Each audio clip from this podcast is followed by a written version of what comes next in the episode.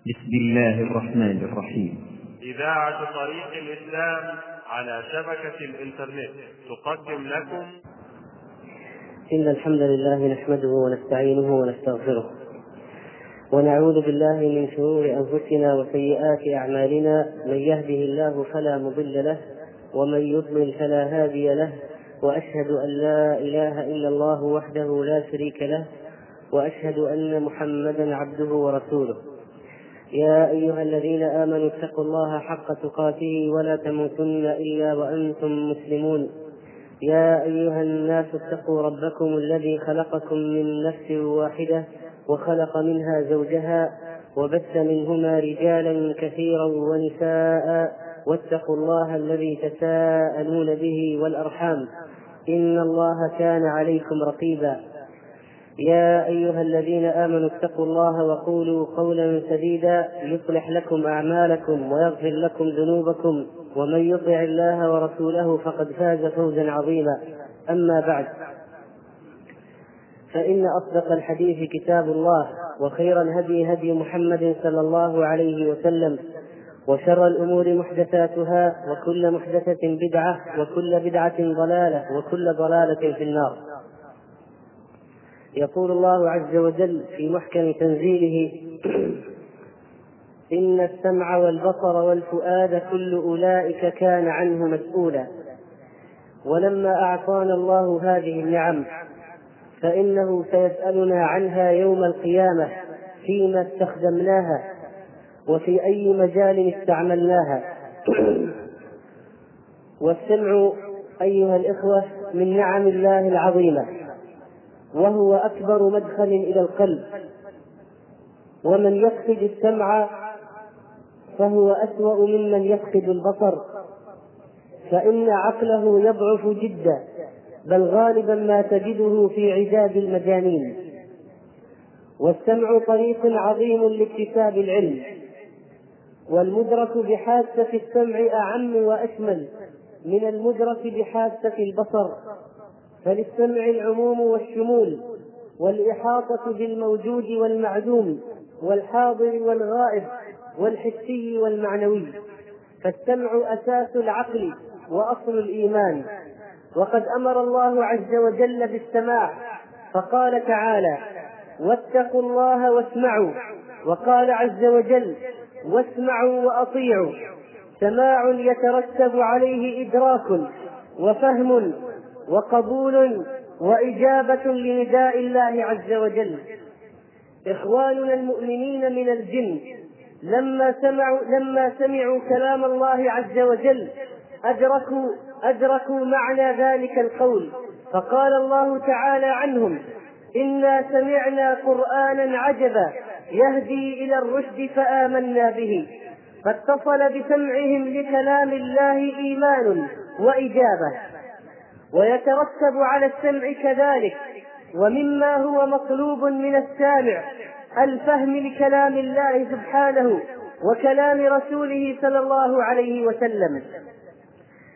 هذا الفهم الذي حرمه كثير من العصاة والفجرة فضلا عن الكفار فشبههم الله عز وجل بالموتى فقال سبحانه وتعالى فإنك لا تسمع الموتى ولا تسمع الصم الدعاء وهذا هو سماع الفهم. وأما سماع القبول والإجابة فإنه يتمثل في قول الله عز وجل سمعنا وأطعنا فترتب على السماع طاعة الله عز وجل. ولذلك كان من علامات أهل الباطل أنهم أنهم يسدون أسماعهم عن سماع الحق. ولذلك كان نوح عليه السلام قد تعب مع قومه تعبا شديدا وهو يدعوهم إلى الله ويأمرهم بما أمرهم الله به وينهاهم عما نهى الله عنه ولكن قابلوا ذلك بسد الآذان وإني كلما دعوتهم لتغفر لهم جعلوا أصابعهم في آذانهم جعلوا أصابعهم في آذانهم وبمثل هذا الاعراض قابل الكفار من قريش دعوة رسول الله صلى الله عليه وسلم وهذا القرآن الذي تلي عليهم. وقال الذين كفروا لا تسمعوا لهذا القرآن. ولما صعد كفار قريش حملاتهم الإعلامية على دعوة رسول الله صلى الله عليه وسلم فكانوا يقفون على مداخل مكة. فمن جاء من خارج مكة ليدخل مكة استلمه أولئك الضلال المضلون. فقالوا له إياك والفتنة إياك وأن يؤثر فيك الساحر المجنون إياك وكلام الكاهن الذي فرق بين القريب وقريبه وأتانا بما لا نعرف. سفه ديننا وعاب آلهتنا فمن, فمن أثر ذلك وصل أثر تلك الحملات الإعلامية أن بعض الداخلين إلى مكة كان يحشو أذنيه كرسفا كرسفا وهو القطن حتى لا يسمع كلام رسول الله صلى الله عليه وسلم. إن الجاهلية تحارب الحق بشتى الوسائل إنها تحارب الحق عبر الوسائل المختلفة. حتى تجعله في أعين الناس باطلا وحتى تصور دعاة الحق كأنهم ثعابين سيلدغون الناس وتصور دعاة الحق كأنهم سحرة سيسحرون الناس تصور دعاة الحق كأنهم مجرمون يريدون أن يغووا الناس ولذلك ترى كثيرا من المتأثرين من سفهاء الناس بأقوال شياطين الإنس. يحشون آذانهم فعلا حتى لا يسمعوا كلام دعاة الإسلام ويعرضون عنهم بشتى الوسائل. ولئن كان الأولون يحشون آذانهم كرسفا حتى لا يسمعوا الحق فإن آذان كثير من الناس اليوم قد حشيت بوسائل بوسائل اللهو والإلهاء والانشغال بالمحرمات عن سماع الحق وأهل الحق. والله عز وجل وصف الكفرة بأنهم قال فيهم ولقد ذرأنا لجهنم كثيرا من الجن والإنس لهم قلوب لا يفقهون بها ولهم أعين لا يبصرون بها ولهم آذان لا يسمعون بها. لماذا لا يسمعون؟ هل لأنهم ليست لديهم آذان؟ كلا إن لهم آذانا ولكن لا يسمعون بها الحق. أولئك كالأنعام بل هم أضل أولئك هم الغافلون. لماذا شبه الله الكفرة بالأنعام؟ ولماذا وصفهم بأنهم أضل من الأنعام؟ لأن بعض الناس عندما يسمع كلام الله وعندما يسمع الحق فإنه لا يأنس به ولا ينقاد له. وإنما يعرض عنه إعراضا شديدا. أما البهائم أما الغنم فإنها إذا سمعت حادي الراعي ونعيق الراعي بها فإنها تأنس لصوته وتستجيب له وتنقاد إليه فتجيء إلى الراعي وهو يدعوها. إذا الأنعام أفضل من هؤلاء. الأنعام تأنس بالصوت وتأتي. أما أولئك فهم, فهم يفرون ويبعدون. وما أكثر أحوال الناس اليوم في هذا الجانب. فإن فليتهم يسمعون فليتهم يسمعون الحق ثم ينقدونه لو شاءوا ولكنهم يرفضون سماع الحق من البداية. وإن رفض سماع الحق من البداية مشكلة عويصة إذ كيف تحاول أن تهدي الناس إلى سبيل الرشاد وهم يرفضون سماعك أصلا؟ كيف يستجيبون وهم يوصدون الأبواب في وجهك من البداية؟ كيف يتبعونك وهم يطردونك ويأمرونك بالسكوت قبل أن تتكلم؟ وكثير منهم يقولون نحن نعرف ما تريد أن تقول ونحن سمعناه قبلك. ولكن لا فائدة لا تحاول معنا. واستمعوا أيها الإخوة.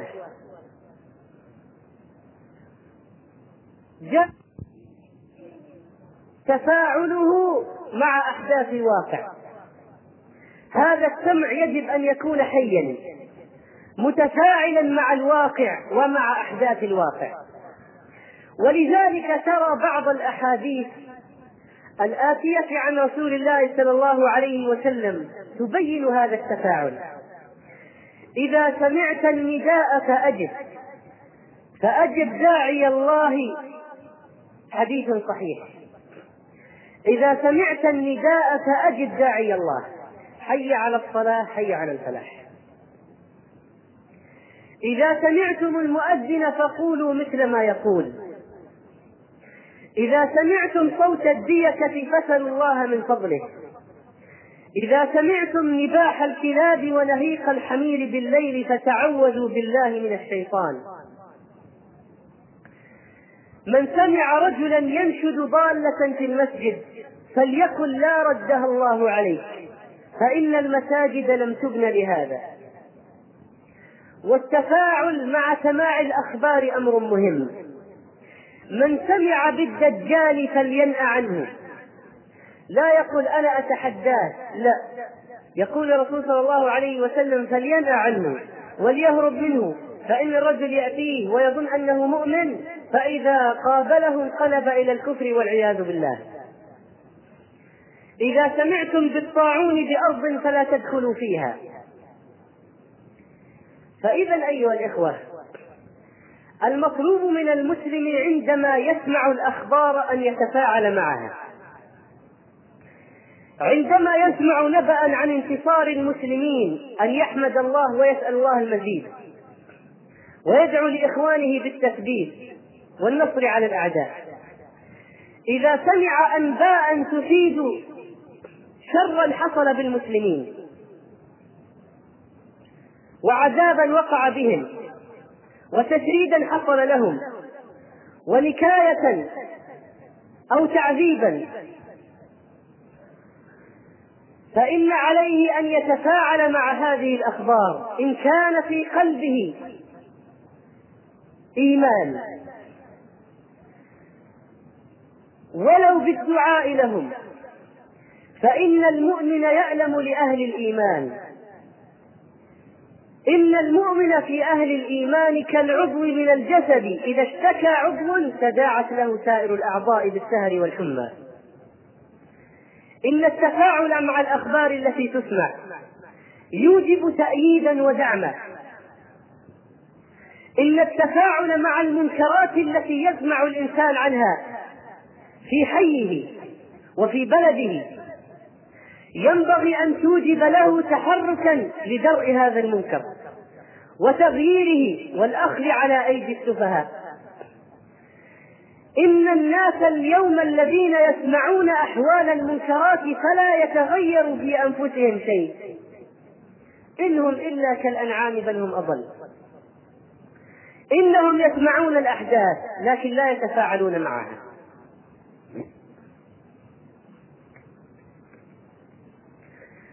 ومن أعظم العبادات. ومن أعظم العبادات أيها الإخوة المرتبطة بالسماع سماع القرآن. فهذا السماع حاد يحدو القلوب إلى جوار علام الغيوب وسائق يسوق الأرواح إلى ديار الأفراح ومحرك يثير ساكن العزمات إلى أعلى المقامات وأرفع الدرجات. ولذلك كان رسول الله صلى الله عليه وسلم يأمر أحد الصحابة أن يقرأ فيسمع لقراءته ويقول إني أحب أن أسمعه من غيري. وكانت طريقة الصحابة رضوان الله عليهم في سماعهم للقرآن إذا جلسوا في جماعة أن يتحلقوا فيأمر واحدا منهم أن يقرأ ثم يستمع الباقون. والقلب يتأثر بالسماع بحسب ما فيه من المحبة. فإذا امتلأ من محبة الله وسماع كلام محبوبه فإنه يتفاعل مع كلام الله. وأما من, من امتلأ قلبه من محبة الشياطين واللهو فإنه يقبل على سماع اللهو والغناء. وحرام على قلب قد تربى على غذاء السماع الشيطاني أن يجد من ذلك في سماع القرآن. بل إن حصل له نوع لذة فهو من قبيل الصوت المشترك المشترك. بمعنى أيها الإخوة بعض الناس اليوم إذا فتحوا الإذاعة فوجدوا قارئا يقرأ في الإذاعة. وقد يكون هذا القارئ من الذين يلحنون القرآن بحسب ألحان الأغاني والعياذ بالله. ويأتي بالإيقاعات في قراءته كإيقاعات الأغاني والموسيقى. بل إن بعضهم بل إن بعض من سمع أخبار بعض المقرئين الذين يقول رسول الله صلى الله عليه وسلم في شأنهم أكثر منافقي أمتي قراؤها. حديث صحيح. يقول وفي حفلات الغناء للمطربات المشهورات. تجد في الصف الأول نفرا من المشتهرين بقراءة القرآن. تذاع أصواتهم. يجلسون في تلك الحفلات. لكي يكتسبوا إيقاع تلك الأغاني فينقلوه إلى قراءتهم فيما بعد. والعياذ بالله. بعض الناس اليوم قد يتفاعل مع قراءة القرآن مع سماع القرآن لكن أي نوع من أنواع التفاعل؟ إنه يقرب لصوت القارئ ولكنه لا يتفاعل مع المعنى. ولذلك تجد هؤلاء يتأوهون بالآهات الطويلة بعد فراغ المقرئ من مقطع أو آية. تأوهات تدل على الطرب والنشوة. ولكن ليس لله لا لمعنى القرآن وإنما للحن الجميل الذي أعجبهم فتأوهوا عند سماعه ولذلك كان لا بد من انتقاء المقرئين الذين إذا قرأوا القرآن تأثر الناس بقراءتهم تأثرا بالمعنى خشعت قلوبهم لذكر الله. وليس أن تخشع أسماعهم وغرائزهم لجودة الألحان والإيقاعات الموسيقية في القراءة. ولذلك ذم السلف التمطيط في القراءة. ولذلك أيها الإخوة تجد بعض الناس اليوم يقتنون أشرطة مسجلة لبعض المشهورين من القراء فيسمعونها نعم في بعض الأحيان. ولكن لأن الصوت شديد جميل فيه ألحان وإيقاعات. فعليكم أن تقتنوا من أصوات قراء القرآن ما يؤثر في النفس. تأثيرا إيمانيا يتفاعل مع معنى القرآن. وأما السماع المقابل لسماع القرآن فهو سماع الشيطان. وهو الغناء الذي ينبت النفاق في القلب كما ينبت الماء البقل. فإنه ما اعتاده أحد إلا نافق قلبه وهو لا يشعر. وما اجتمع في قلب عبد قط محبة الغناء ومحبة القرآن إلا طردت إحداهما الأخرى. يقول ابن القيم رحمه الله وقد شاهدنا نحن وغيرنا ثقل القرآن على أهل الغناء وسماعه وتبرجهم به يتبرمون بسماع القرآن. وصياحهم بالقارئ إذا طول عليهم. وعدم انتفاع قلوبهم بما يقرأ. فلا تتحرك ولا تخشع. فإذا جاء قرآن الشيطان فلا إله إلا الله كيف تخشع الأصوات وتهدأ الحركات وتسكن القلوب وتطمئن؟ ويقع طيب السهر وتمني طول الليل. أيها الإخوة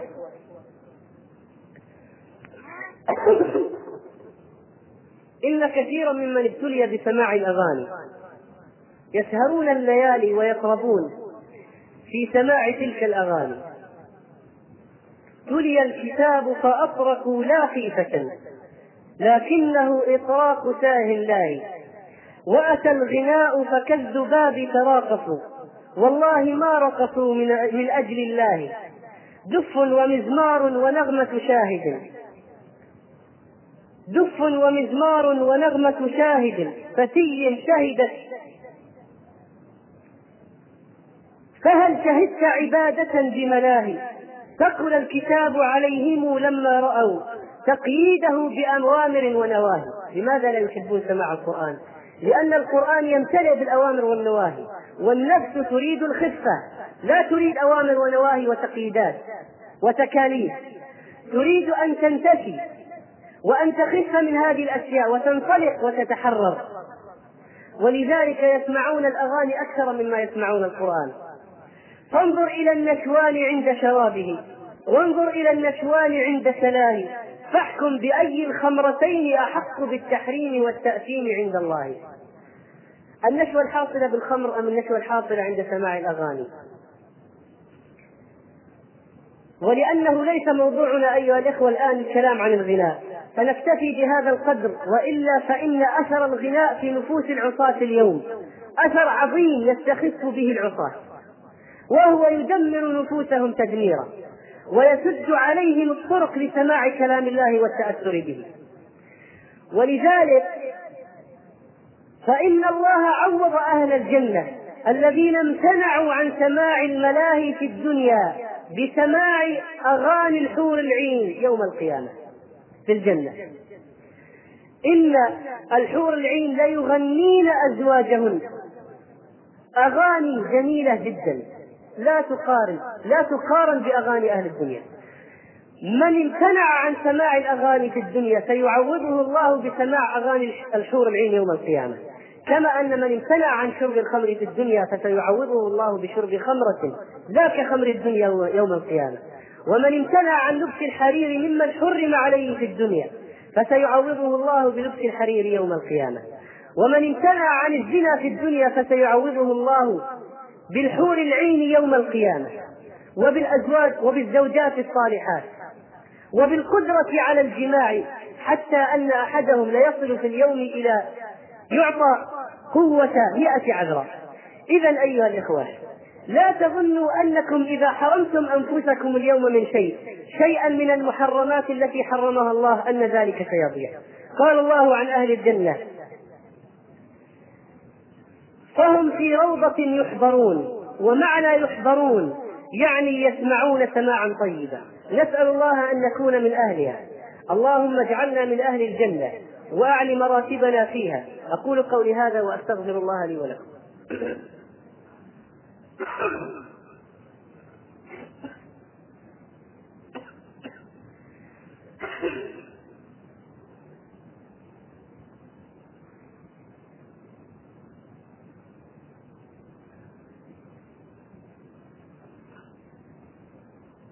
الحمد لله الذي لا إله إلا هو.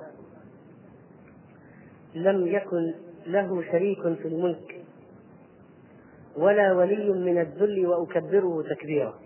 وأشهد أن محمدا عبده ورسوله الداعي إلى الله بإذنه وسراجا منيرا.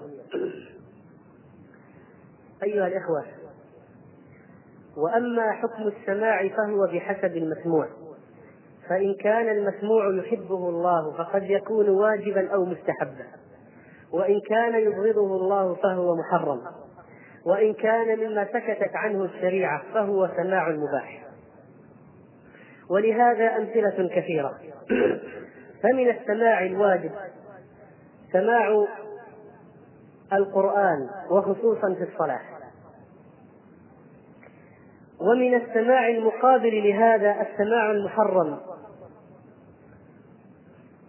قول الله عز وجل فيما يصف به المؤمنين وإذا سمعوا اللغو أعرضوا عنه. وهذا من إعجاز القرآن وبلاغته. هذه الكلمة كلمة اللغو. تشمل جميع المحرمات بل والمكروهات من المسموعات. ولذلك كان من الأمور المحرمة سماع الكذب. سماع الكذب لأخذه والتصديق به. وسماع الغيبة وسماع النميمة. ومن المسموعات كذلك المذمومة. ما ذم الله تعالى في كتابه نفرا فقال وفيكم سماعون لهم ومعنى سماعون لهم يعني مستجيبون لهم. واليوم يقدم كثير من المسلمين أن يعيروا آذانهم لأعداء الله عز وجل ليسمعوا منهم الباطل ويسمعوا منهم ما يقال عن دعاة الإسلام ويسمعوا منهم الشبهات التي تحاك وتدار حول الدين.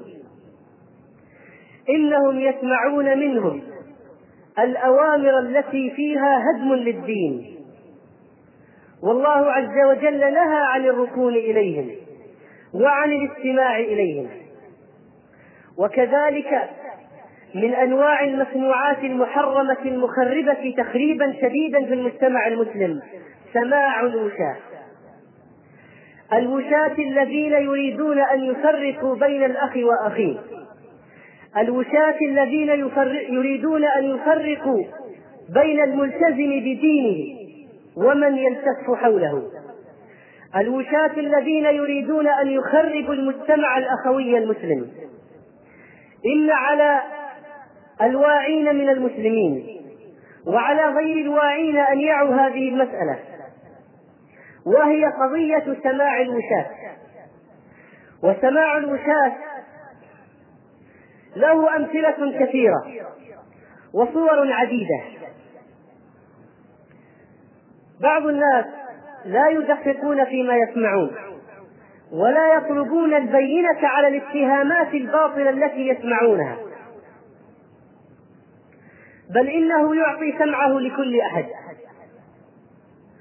صادقا أو كاذبا.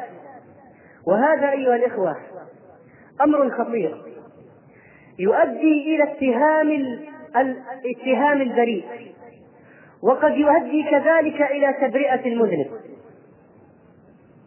وكم من بيوت قد خربت وعلاقات قد حسمت وانقطعت بسبب سماع كلام الوشاة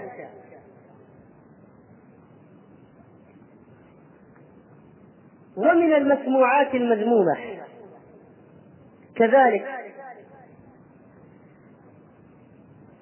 سماع الصوفية المنحرفين من الغناء والألحان التي أوردنا ذكر بعضها. بل إنهم يوهمون غيرهم من السذج أنهم يسمعون الجمال وأنهم قد وصلوا إلى مستويات إيمانية عالية. قال القشيري أحدهم سمعت أبا عبد الله السلمي يقول دخلت أنا على أبي عثمان المغربي ورجل يستقي الماء من البئر على بكرة. فقال يا أبا عبد الرحمن أتدري إيش تقول هذه البكرة؟ فقلت لا فقال تقول الله الله. انظروا إلى هذه الخرافة وإلى هذه الترهات التي ينطق بها هؤلاء. ولئن كنتم لا تسمعون أنتم في واقعكم مثل هذه الخرافات فإن في بيئات أخرى ومجتمعات أخرى أناس عندهم هذا الغلو وأضعاف. فينبغي أن يكون المؤمن حذرا يقظا وهو يسمع مثل ذلك الكلام. وما أحسن أن يستمع المسلم إلى شكوى أخيه المسلم؟ أن يستمع الموظف مثلا إلى شكوى مراجع فيقضي له بالحق وينصفه. وكثير من الناس الذين أكلت حقوقهم اليوم إنما سبب ذلك عدم سماع شكاويهم وعدم إنفاذ الحق فيها. ولذلك لا بد من سماع شكوى المظلوم. وإحقاق الحق له. وما أحلى أن يسمع الأخ المسلم الهم الذي يعترج في نفس أخيه. فيفرج همه. وما أحلى أن يسمع ما يدور في خاطره من أنواع الهموم فيسري عنه وما أحلى أن يسمع مشاكله فيحل له تلك المشاكل. ويوجد له العلاجات والحلول لهذه الأشياء التي يعاني منها. إن السماع والإنصات مهم مهم جدا في إيجاد الحلول للناس.